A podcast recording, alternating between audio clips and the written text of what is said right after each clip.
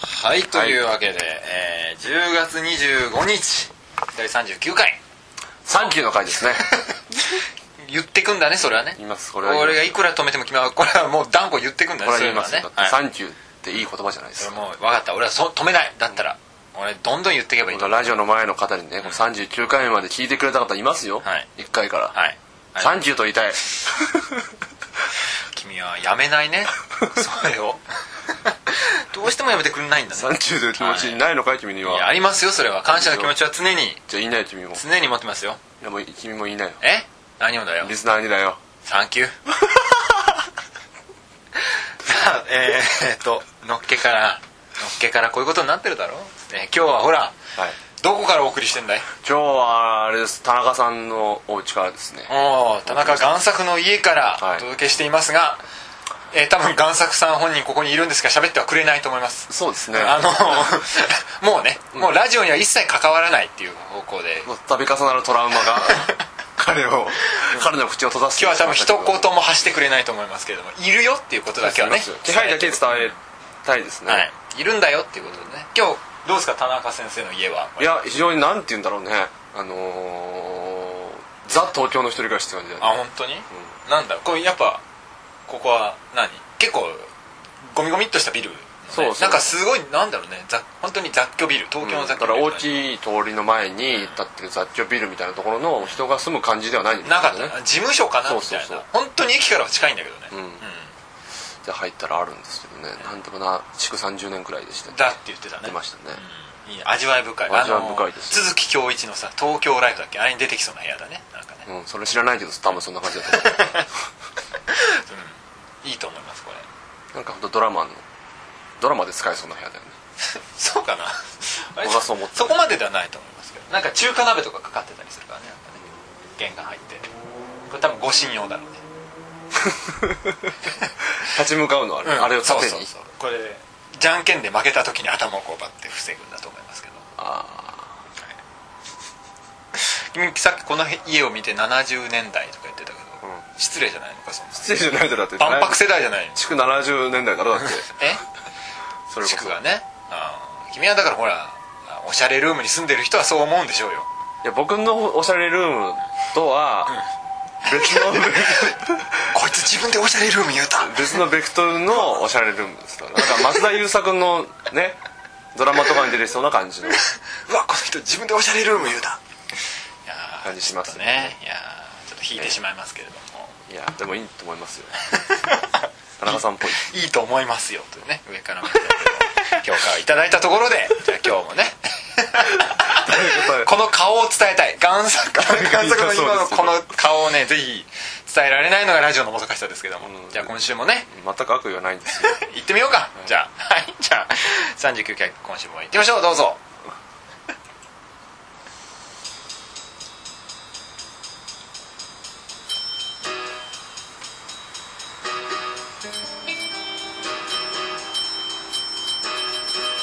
「MST と福助のお金をあげるから付き合ってください Thank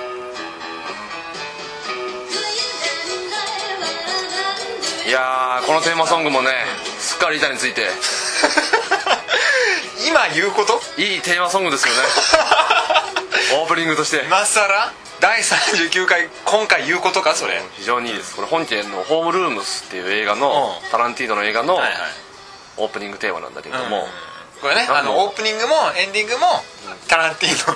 の映画の音楽なんですよってだから今言うことかこれは偶然なんですよこれ別にタランティーノファンでも何でもないんですよあーはいたまたまねでもいいですよねその日 iPod に入ってたんだろうね人ねはい、というわけで、君そういえばまだお腹痛いんだって僕そうなんですよねあのこれ単純に飲みすぎですねなんだお腹弱いお腹弱いおです腹弱いお子だ腹非常に弱いですから昨日はなんか調子に乗って飲んじゃって、まあ、その話はまた後でしますよあ本当はいざザリガニ魔人だなお前はなえいやいやザリガニからさザリガニからずっと引きずってなんか来てるわけだろだってまあザリガニとはもう違うザリガニはもう抜けたザリガニは抜けたの泥は抜けたああそうなんだじゃあお願いしますお腹痛い子っつうわけでねそういえばお腹痛いで思い出したけど、この前ねあの家朝仕事を徹夜して朝帰ってきたの、うんでうちのマンションのエレベーターのところにね、なんか張り紙が貼ってあったの、うんなんだろうなと思って近づいていったら、思いっきり張り紙に「うんこ注意」って書いてあって、うんえなんかちょっと後ろ振り返ったりするよねそうするとねうんこ注意って何どういう後ろからみたいななんか後ろから投げてくるってことうんこ注意ってはっきり書いてあってさ、うんでどういうことか、まあ、エレベーターのドアだから、中かとうん、うんああ中にうんこがありますありますよってことがかと思ったんだけど、まあ、確かに何かをなぶったようなさうん、うんねびったようなあうんかすれたよううんこながかすれたようなそうそうあとはあったんだけどそうだ確かにでも特に匂いもしないしでもさうんこ注意ってさ張り紙をしてくれた人はさ、もうそれうんこ注意って張り紙をする前にさ、うん、こ撤去してくだかれらそうそう張り紙を貼るぐらいだったら撤去しろよ撤去してくれよっていう多分掃除のおばさんか誰か なんだよそれをさらそそれこそ撤去してくれるそうまあ多分手に負えなかった余ったんだろうね手にいや多分もう張り紙を貼った後に気づいたんじゃない、あこれはもう掃除すればいいんだといいんだでそれでねガーってやっでたも後やは何りもしたその「糞注意」ではなく「うんこ注意」という言い回しから漂ってくるほのかな人糞の香りね人糞人 糞だよこれちょっと拭いがたいよね ただ君んとこはさやっぱりおじいちゃんおばあちゃんがよく住んでるでしょちょっと待っていやちょっと待って しおいそれ以上言うと問題が出そうになるなんでよ 何か問題があるよそういうのはおじいちゃんおばあちゃんがちょっと我慢できなかったんだよちょっと なぜおじいちゃんおばあちゃん限定なのかそれどうに君のほ ら不謹慎なおじさんおばさんだじゃん中年ならいいのかじゃ子供はだってエレベーターでうんこしてはいけないと教わってるから、しないと思うあ そこは信じてんだ子供のしつけはちゃんと行き届いてんだね大塚のねちょっとそういうそういうなんか治安の悪さが不安になってきたねだんだんねうん、うんこ注意っていうねうんこ注意でもあでもちょっと逆にうんこしたやつが貼ったのかもなあ申し訳なさやくべえと思って せめてもの両親だったっていうことがなるほどねちょっとねその張り紙一枚でいろんな妄想が働くよねっていう話だ匂いはしなかった匂いしなかったんだよねのへなんかスッと入ってきたねえ 吸える空気だったなんか鼻にスッと入ってくる空気だったねうんあれはえなら何よりえ なんかどうなんお腹だ痛いなちょっとちょっとお腹痛いんだね君ねお腹痛いなんかねさっきもさっきも人ん家の家でクソしてたからね君はねそう歯切れが良くないんですよ歯切れのいい下痢ってあるじゃないですかブボボボボボっていう感じの今日ずっとこんな話からそれでも誰しも分かるけど、まあ、ケツは痛くなるけれども、出るもん出たな感がある あーまあねじゃーってね、で僕が今日のはなんか、まあ変な話ですけど、屁がいっぱい出るんですよ も屁がブホブホっつって、なんていうかなんだろうなんつうのかなガス欠みたいな、ガス欠の車みたいう、な、うんまあ、これ聞いてる人は全く聞きたくない情報だと思うけどね君の今日のどうも歯切れが悪いですね、君の今日の下痢情報はまあ、いろんゲなリ下イン痢フ情報ォメーションはいらないと思いますよいやお待ちしてないお待ちしてないよあ寄なせてこあなたなのくていいんだ街のよ下痢情報ないよそんなの個人個人の問題でしょ下痢はいやーでも下痢で苦しんでる人いっぱいいますから言いますよそれは、は世界に分かり合いたい僕はこのネットワークを通じ てワールドワイドウェブを通じて勝手に世ネ界ッのトワークは作んないでください下痢世界のじまあいいかこれ以上はなやめたこの人ねすぐ途中で言うのやめるんだよね、びっくりしますけれどもね、はいそうでもほらお尻周りの話といえばね、はいあのーちょっとさ、まあ、今日なんで田中先生うのん家にいたのかっていうのはまだまあ詳しくは言えないけれども言えないんですかいまあなんかねはちょっと言わ待っといた方がいいあ待ちますかそういうのいいですねそういう のちょっとねプロジェクトが進行してますよっていうことをねいいですえねえこれはでもね我々今最近では滞りがちなええ ONC コンテンツはいの中であった画期的な大プロジェクト と言っていいんではないですかね自分で言うからねそういうことをね、ええええまあちょっと打ち合わせをしてたわけだけどこもれぜひ交互期待ですようんいやなんかあれだなと思って、ONC 大塚ニューコープもさ最近更新ちょっと滞ってるけど、なんかまあいろいろ歴史があったんだなと思って振り返ってみたら、ああいい話するねっていうのを思っていやそうそうなんか元はといえばみたいな話があって、うん大塚で、まあ、ルームシェアをしてるわけでしょ我々は、うんうんあの今、んまあ、それももう解消ですけれども 来年の1月いっぱいで解消されてしまうわけですけども解散解散ですもんね解散っていう感じなんですけどね本当に部屋ある探意し味だからどう大しよう塚ニューコーポ解散だよね、 そうそうそうそう解散の危機だと思うよこれまあ、コーポニューオーツか解散か、そう解散の危機だと思った 方がいいこれあの実際の住所だ から来ちゃう来ちゃう 永福町の金重曹みたい なそうそうオードリーのさ若林の家みたいになっちゃうからこれねじゃあまあ来ちゃうから出待ちで来る来るかもよ出待ちファンがいやこれね最初にその大塚の3人で、あの団体どうしようかみたいな話をした時に、うんスローガンを決めたってことを思い出して、うんその時のスローガンが「ん心のアナルは差し出さない」だったんだよ、うんうんうんそれその心はその心、んあのまあ実際のアナルは差し出しても、うんた とえたとえ実際のアナルは差し出すことになろうとも、うんあの社会に対して、うん心のアナルは差し出さないぞっていう、うん心に心は守っていくぞっていう意味が込められてるんです よまあちょっと分かり づらいけど要するにあれでしょ社会ね、だから当時もう2年くらい前うんですよね、この話って、うんそうそうそうそうに、だから社会人3年目とかか、うん君たちが、はい の時にもう疲れたと仕事がそうまあそうかだったかもしれないよ、疲れて、うんもうこんなのにね毎日毎日遅くまで働かされて、もう俺はもうだから面白いことをしたいね社会にケツを掘られてるようなもんじゃないかそうそうそうそうそれにそれそれそれジャストそれ時にああそれそれいや 俺は心の穴は差し出さないぞっていうそういうことでしょそうですまさにその通りですよ、社会という名の肉棒に そう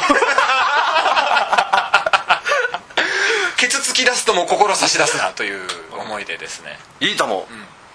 このスローガンを掲げてたんだけどだから危うく団体名がねアナルハーツになるとこだったからねそれ はそれはあの例の、あのクロムハーツクロ的ムなハーツ的なね、うん、響きになるはずだったっていうね、うことをさっきね見直してたら思い出したね、うんだから大塚入高校に歴史ありだなと思って、まあソーセージええそんな本なのでそうだからねちょっとさ俺はなんか最近まあなんかね、うんコラムも書いてないしさ書いてないね俺は今まで何をしてきたんだろう とここに来てだからさ、うん最近だから更新が滞りがちとかじゃなくて、うん多分俺たちってはじ俺たちって始めた頃からこう滞りがちなんですよ、はい更新ってそう大体そうなんですそうそうで最近は止まってるんで止すよまってるんだね、完全に足踏み、完 全に止まってるんですよ、ピタッと歩くのをやめたからね、うんこれなゆネタがししちゃうと、結局滞りがちな更新は僕らがバテてるからだみたいな話にな って、じゃあもう一回ちょっとその毎週の更新とかやめようやめ よあのみんなとりあえず縛りはなくそうかそれぞれの裁量でん更新しようっていう話に自由更新だっていう話になりました途端に 誰も更誰も新ししななくくななっっててね見よこれが現実だっていうさ感じでびっくりしたねでもね完見事に誰も更新しないんだよね完全に心のアナルを差し出してるってことだからいや見事だったねなんかあの会議の時ってみんなほっとした感じやったもなんか荷が降りたみたいなんねもうやんなくていいんだ時の感じになっいやて気持ちはあるんだよ、いつだってこれはもう更新しようっていう気持ちはあるんだそうよですね、僕もあの貞治やると言いながらやってないんですけども、いやちょっとね本当これはね言い訳じゃないけれども、ね、言い訳です言い訳です まあラジオだけはラジオだけはねなんとか止まってないんでうん、これはねレコーダーさえ回してしまえばそう止まるわけにはいかないっていうただそれだけの理由でねまず僕と福田君が会えばいいだけの 話ですそうそうこれはなんか本当に非常にあのハードルが低いんですえねえこのコンテンツすはごいハードルが低いから自動筆記のようにね垂れ流してるだけですから本当に落としたことないですからねまあそういう垂れ流すだけという意味では、ONC の中の下痢のようなコンテンツと言っても過言ではないんじゃないかなとそうですね出がいい日もあれば悪い日もある日もあるっていうね今日はどんな日なんでしょうねなんかそこで何ですちょっといいこと言うぞみたいな今日はどんな日なんでしょうねね何を何に例えたところで下痢模様なんですけれどもそれはという感じでねじゃあ福田君だからそのさそうそうだからちょっとさあれだよねまずいなとうん思った時に、俺ちょっとねもうなんか昔の方が、こう面白いことを考えてたんじゃないかと 昔の方が面白かったんじゃないの俺原点回帰ですっかていうね、うんことをちょっとたまに思ったり周期的に思い返したりするわけ、ねまあでもたまに言われますもんね福田君は そうそうそうあ福の田君昔あのピアとかで連載した頃の方がが一番輝いてたねっていうさ ピアとかで連載してたんですよこのし人てはたんですよっていう実はそうピアで連載してたんですよリスナーの方この話したことあるっけないよねラジオではないよないか、あのこの人はね福田君福田福生という名前でで すねまさにこの名前でですねそうだよこう見えて大学時代にはこう見えてピアでしね毎ウィ週ークリ連載ーしピてたアでんだよ 毎週1ページ語ってたんですからね、いやー勇気ありますよねピアもねねえ、今だったら絶対に頼まないだろうねねえあの時はだってギャラだけで今と同じぐらいの収入が 得たわけでしょねえよどんだけ発給なんだよ今 ねあそんなことないんだよごめんごめん今俺ガチだったんだけど違うんださすがにあそれはさすがにさすがにねそれはないけれどもいやーしかしねだからそう考えて俺ねよく考えたらだってほら違うもの心意気が違ったもの昔はって思ったのは、う俺ちゃんと高校とかね、ん大学入った時って、ネタ帳みたいのをつけてたの芸人 かお前はつけてたのよ、うん日々、うんなんかだから思いついたこととかね、言い回しとそれか何に使うためにいやだからなんか書く時なんか書くあ高校の時は何か書いてたのなんかねでもねそれは別に何かを書くためとか明確な目的はなかったんだけど別に君ゆあのクラスの愉快なやつとかじゃないじでゃしあょ別になかった日陰者だったよ、クラスでなんか面白いこと言うやつとかじゃないでしょうん、肝面だったよ絶対 ごめんなさいちょっと思いなんあのーちょっと使う用事があって自分の高校時代の集合写真とか出てくるじゃないうんうん必要があって見たんだけど、あれ俺こんなに肝面だったっけってちょっとね自分で引いちゃったあのーうん引いちゃった分かってなかった自分の記憶の中ではもうちょっといけ てたちょっとね現実を目の当たりにして愕然としたね膝が震えたその写真見た時にあれって自分の脳内記憶とちょっうんとあまりにもかけ離れてて、もうちょっといい人だったと思ったんだねキモってちょっと写真をちょっと撮り落としそうになったもんうんそれぜひ見てみたいですけどねそれ今日アップしたらいいじゃないちょっと勇気が ないな勇気がないかこれは夢夢持てないわと思って、うんなんだけど、でもそんな夢夢持てない肝面だったけどもネタ帳つけてたんだ関係ねえなあんまりだから持てなかったかもしれないけどねでもなんかガブね君がなんかその授業中とかにさ勉強してるふりしてさそういう面白いと思ってる自分が面白いと思ってることをノートに書い て「ふふふ」とか言いながらそれがさ出てきたんだ出出るて感じきたっていうかずっと挟まってたんだよなんかメモ帳みたいな物持ちいいなある意味な、すっげえ鉛筆でぎっしり書いてあ びっくりするよねる何なのこれはこれいやーちょっとねでもねなんかね意味がわかん今読んでも意味がわかんないだからあのねあのか箇条書きで、あの10文字くらいですかね、はい10文字か20文字くらいのが、ダーッ書いてあるんですよ、あのこの B B4A4 英語か、うん英語の紙に、はい三段に三段組みたいなこれだ感じから基本的には思いついたことを書いてんだよねあの山下達郎の顔が妖怪のようとかさ 全然何なのそれどこで使 うのいやだからその何かを書くときに、いや基本的に俺なんかあれじゃんほら例えとかさ、う言い回しだけをこねくり回してうん成立してる文章でしょああそうかその文章の言い回しで使う用のネタなんだそうそうおじゃかおかずだけんおかずだけの文章じゃない俺の、ああーそうだね、分かりづらいやつだね 軸とか全くないけどとりあえず何々のようなとかであの文章を失踪させていくっていうさ何しろこれ後で読んで分かるわけこれこれねこれどうだったんだろうね水森後って書いてるだけだ あのね基本的に単語だけっていうのがあるんだけこれど何これはいやでもねあのどこで使うのこれボキャブラリーをとりあえずいろんな言い回しを使いたいみたいなのもあって、単語だけを書いてるっていうのもいっぱいあるんだよここにただまあちょっとこう読んでみると、ねなんかいや読んでみるとっていうのもおかしいんだけどさもんいやこれひどいよこれこれすごいよね、負けないこと投げ出さないこと逃げ出さないこと信じ抜くことってこれ完全に大事の歌詞が書いてあこるれだけなんをですよこれをもじるとっていうことだよこれをなんかでもじったらいいだろうなみたいなあそれ後で考えようってことなんだそうそうそうそうそれは元ネタ元ネタもストックしとこうっていうことでこんなに出汁が出てるじゃないかいやらしいグルタミン酸だねって書いてある何なのそれこんこの濡れせんべいをご覧こんなに濡れてるじゃないかってうわこれ書いてあるこれあの間違った SM うんだね、きっとねこれ言えないようなことも書いてありますあね本当にこれとか どれどれどれこ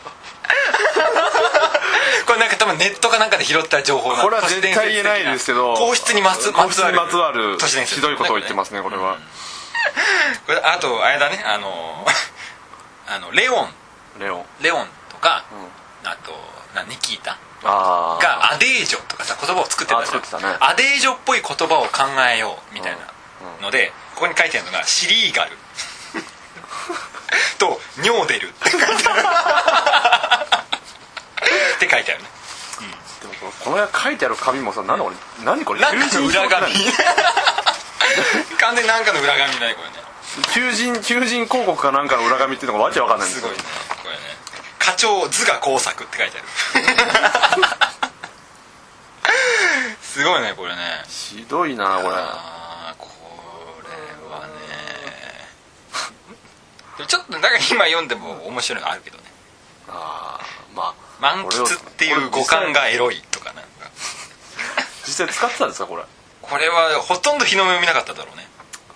これ書いてるのが楽しかったみたいなことまあそういうところあるかももしれないねいやでもね実を言うとピアで連載してた時うん結構これのお世話になってるあそうなんうだんだからこれでストックしてたやつとかをちょっと使ってたりするよ実際にうーん本当に なるほどねこれなんかなんかちょっと気になったのありますか 気になったらね言おうかと思うんですけどなんか言うと滑りそうだじゃあじゃあいいよこれ俺が言う分にはね全然あれですからね こうすごいね本当にねいやいやーこれなんか黙っちゃうね黙っちゃうー黙っちゃよくないねなんか言わなきゃいけないなと思いながらもう、なんか怖くて言えないん だよなか過剰図画工作とかだからそれ言ったね今 言ったかお前人の話を全く聞かないな本当になこういう時な言ってたか言ってた言ってたあああなるほあどね戸塚ヨットスクールとか書いてあるけど何なんだろう何戸です塚かヨットスクールってなんか面白い じゃんなんか面白い 最近よくないこと起きたでし ょよくないことちょっとあの不謹慎な感じがいいじゃない戸塚博士いいじゃんなんかなるほどねこれはなんだろうなずんぐりもっこり日本人男性の下半身これ何なんですか一体どうどういうタイミングで思いついたんですかわからないね本当にわからないこれね なんだろうこれはきあこれ基本的にでもなんか文字りが多いねこれねうんなるほどなまあでももう20分過ぎてますけどどうしますかキャラメルコーンだと思ったら丸まった幼虫だったよって書いてあるんだけどひどいですねひどいですねなんだろうこれは田中先生なんか気になったのありますかチャゲチャゲアスカこれちょっと面白いんじゃない想像すると面白いよねアスカを挟んでんだ右と左で、うんこれちょっと面白いちょっと面白いチャゲチャゲアスカなるほどね、うんいやーなるほどこれねでもね読んだところでちょっと説明がいるんだよ本当にねねえうんもうこればっかりじゃどうしようもないよねだって「ご利用し」って書いてあるだけとかあるもんねそうなんだよねいやー片瀬里乃と高野 由里ちょっと似てるちょっとちょっと字面的にも似てるぞっていうことなんだろうねこれねあほらこれチンコへのレクイエムだからチンコンカうんっていうのは、うんこれ書いたからね俺ピアノコラムに 最終回で書いたからねへーこれでもまあまたうまいこと書きましたよこれはあそうなの当時の自分を褒当め時のるん自だ分はねねうまいこと書いてたなって過去の自分は褒めるんだねそうそうそうよぎりよ今夜もおりごとうとかね ダダジャレじゃないかっていうひどいだ男子は黙ってなさいよいやこれこれちょっと面白いねこれ面白いね男一子緒はは黙黙っっててななさいさいよなるほどなミッシェルガンエレファントカシマシ娘もうこれも頭の中でね止めときたいですよ ねまあね本来いやーこれはウィンズの立花啓太は加藤隆の息子って書いてある似てる似てる似て るこれでもネット上でささやかれてたりするからねこれね似てんだよねこれね似てるねなるほどこんなのばっかり書いてるわけですよねだからまあ福田君が成長してるんですかねこの時から甘食を見ると貧乳を思い出すっていうのは今も思うけどねこれねなるほどいやーでもちょっと頑張ってたよこの頃の俺はとちょっとそう思いまかすじよゃあねそれを胸に秘めてさこう明日へ旅立ってくれよ谷涼子の分娩に立ち会うという罰ゲームとか いろいろ失礼なこと書いてありますけれどねキリがないですねキリがないのでね、はいちょっとまあこんなここんんななももののででいきましょうかねしときまこしうょいううこと書いてたんだねだからちょっと俺また始めようと思うネタ帳つけようと思うつけんの、うんまあうん好きにしてもらえばいいと思う けどあのね、今こそ必要だと思うやっぱねなんかパッと思いつかないもんねあ今もうーなるほどねなんか例えとかが、うんうんうんだからこれ書いといて、ストックに当たるっていうね、うんうんちょっとあのいや大事だと思いますよ、君今の君にはそういうの大事そういうの大事なんですよはいね、必要だと思いますということで初心に帰るという意味ではいちょっとあのあのこの頃の自分は頑張ってたなって思った、いいと思いますだからこれもう25分25分になりましたねいやもう半分くらい多分僕たちが見てるだけっていう 非常ーに結構ね黙ってる時間非常にね聞きづらい放送になっちゃったかもしれないですそうだねいやでもねこれ今度もあのネタが切れたら、はい ネタ帳を読み返すっていう あの頃の福田福助さんからの投稿ですっていうのはいいかもしれないねそれだけまとめといてよああそうだねこれを読むっていうのはうん取っとけばいいね、そうそう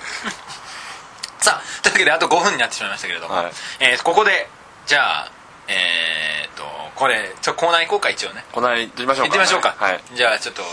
キラキラキラキラの方で行きましょうはいわかりましたえー、それではいきます MST に彼女を作る15の方法キラキラキラキラあーというわけで、はい MST がじゃなかったなわかんあなあいそうかもしれないね、もうコーナー名すら曖昧という ねだ久しぶりですからねこれやるずのっとやってなかったからねっていうか多分最初い以降やってなかったと思うよいつから始まってんのかなこれ9月の半ばくらいうん君んちでや収録した時だったからそうそうそううんまあその後白馬を挟んでますんそうでだねずっと先に緊急報告ができてないいんやですけどそうもほらそうですよさぞかし進展があったんでしょういやーそれはもちろん僕で すからえねえどうだったのよどどこまで行ったのえいやー誰とどここまで行ったの教えてごらんなさいよ、いやだあのー、まあ冒頭に申し上げました通りで すね無駄に声を張ってるけどあのー今日僕はお腹が痛いんですけども、はいでまあ、昨日飲みすぎたって話をしてるんです、まあ、昨日はまさにそれなんですね、あのーコンパおおおやってなるたほどんですよはい、でその合コンっていうのがあの多分この企画が一番最初か2回目くらいかな、やった時にはい公開オファーをした、ああやってたねメール打ってたね、そうそう、んあのピーヨンが途中最終的に抜けてたんじゃないかっていう噂の 入れなかったんだね、うん名前出てたけ名ど前一つ出ちゃ何々さんって言ってた何けど々さんって出ちゃったすごいぶしつけなメールを送ったやつね物質じゃなかったですよ誰がちょうど昨日はいあったあはあいの時のがあったわあけの時のはちょうど行わはいはれいはいました、はい3対3でおーいいいい人数だ、ええ一番いい人数だよ3は 新宿の月の雫でやったんですけどねまあいいいいですけど別にそれは、はい、どうだったのようんいやーでもあれですねだからもうこれでだからあれの後でやってるのはうん3回目くらいなんですよもうああもう結構やってんだ、うはんいは合いコン自体をね、で、まあ、3回目で、もうちょっと僕疲れてきまして、あれ ちょっともう語気が弱まってる けどもう合コンはやりたくないなあれあれあれえちょっとあのねだから一番最初にやった時にさ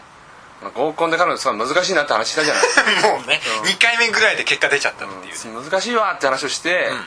まあ、それを引きずったまま、まあ、2回3回ってやっててですね、はいはいああなるほどなという感じですよねあれもう行き詰まった結局だから何がいけないかっていうと、一1回じゃよくわかんねえってことなんだよ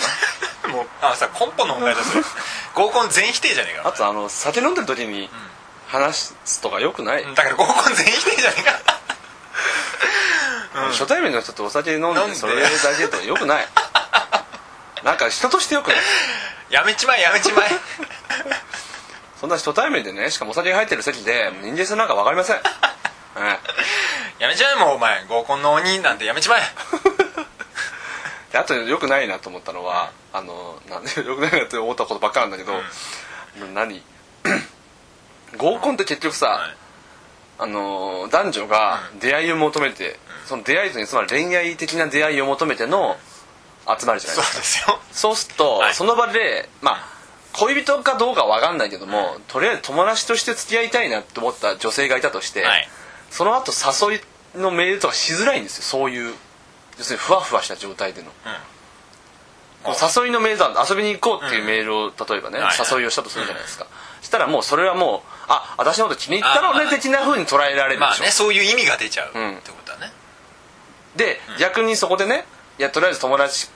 としてみたいなことを言うのも角が立つでしょ、わざわざ言う言うのはねでしょ、はいそうするとだからもうスタートがそれだからそっからなんていうの単なるこうそう単な友る達の人脈が広がっていかないそうそう散らかっていかないんですよだか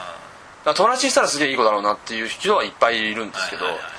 でもそういう付き合い方すげえ難しいんですよなるほどねあっーていうのは思いましたあーだからだからあれだねリアルな現場の声って感じがするね、今のだからどうしてもねその場限りになっちゃう、はいはいはいもう一度会いたいなと思う子がいてなるもほどね土俵に乗るか乗らないかみたいなそうところになっちゃうんだだからもう一度会うってことはもう二人で会う二人で会うってことはもうそういうことでしょっていうはいはいはいあんた私のこと気に入ったんでしょみたいななるほこどとになっちゃうじゃないですか、はいはいはいだからもうちょっと知りたい知りたいなくらいの感情でいくのが非常非常にやりづらいんですよねなるほどだから3回やってる中でもね、別にその全部ソース感じゃないですけど、そのね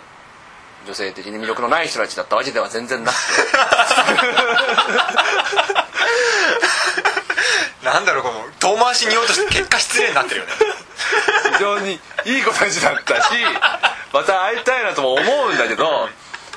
ただなんかそのススタートラインがさ、はいもう恋愛じゃないですか結局は、はいもう恋愛至上主義社会のものもすってことですよ要はコーナー目だけ入れてきたけどまあちょっとね早期決着を強いられるからそうそうもう時期時期も時期だしね徐々に徐々にっていうのが難しいよってことねそう、はいだからなんかねこう昨日も別に僕はあのなんて言うんでしょうそんな女性たちもすごいすごい楽しくね、もう終電も忘れるくらいはいいいじゃない楽しくやったんですよ、ですけども、なんかその場でもなんかすでにその合コンでの出会いとかいう話とかもなんかしちゃったりとかなんかして、うんはいはいで よくわかんないのが、その合コンで出会った人に対してあのありの人とないの人にメールを返す時のやり方みたいな話もそこでしちゃってるわけですよじゃあもうそこではないなっていうことでなっちゃったわけじゃんんなんかその女の子がそういう話をしだして、あそうなんだっていう、まあ、俺らも乗って、いやこういう会社だったらそれってありなのとかっていう話もなんかしちゃってて、なんかもうこれ普通に友達同士の会話になっちゃってて、でもその後のメールがすげえしづれいしそづれれいみたいさそれダメな合コンだったってことなんじゃないのな合コンとしては良くなかったですねなんかもうあの半ばでお開きだっだから飲み会としては非常に楽しかったんですけどもた、うん、ちなみにもうあの時間的にはもう30分過ぎてますから、そろそろ終わりにしなければいけないわけですけどまあちょっと延長しましょうか延長しないやいやそんな延長できない よ、あそうえまあ、そういうわけでですね、はいまあでもとあと僕自身の問題として、女性にちょちゃんとその、なんて言うんでしょうねえあのー何出たよその選ぶな言 葉をほら遊びに行こうみたいなことを言うそのテンションの上がりじゃないっていう感じ知らねえよやめようぜはいやめようやめよう 終わりだ終わりだいやだからねここに来てあのここに来てたまりかねた田中和子が口を開いたよもういやだから、それもう一回遊びたいくらいに思うんだけども、でもそうやってそのあのあなたは私の気に入ったのみたいな思われると困るみたいな感じ もうもういい自分語りはいいよもうやってんだよ終わりだよ いいいいでこの微妙な ラインで声をかけようかかけまいかみたいなはいはいはいはいはいまあねそれのあるでしょあ難しい難しいそれだ なしょうがないしょうがないしょうがないしょうがないしょうがないうんじゃあもう合コン諦めようだから難しいんだよ合コンは無理だ無理だそいれや難しいんだよじゃあ次の手を考えよう次の手をなんだダイヤル Q2 か次どうすんだろう年内もうないぞ時間はいやでもだからもうちょっとどうしようかなっていうことは今考えてますいだから昨日出会ったこれもう一回誘いをするのがどうかっていうのが僕の今の課題本はい質のわかね、りました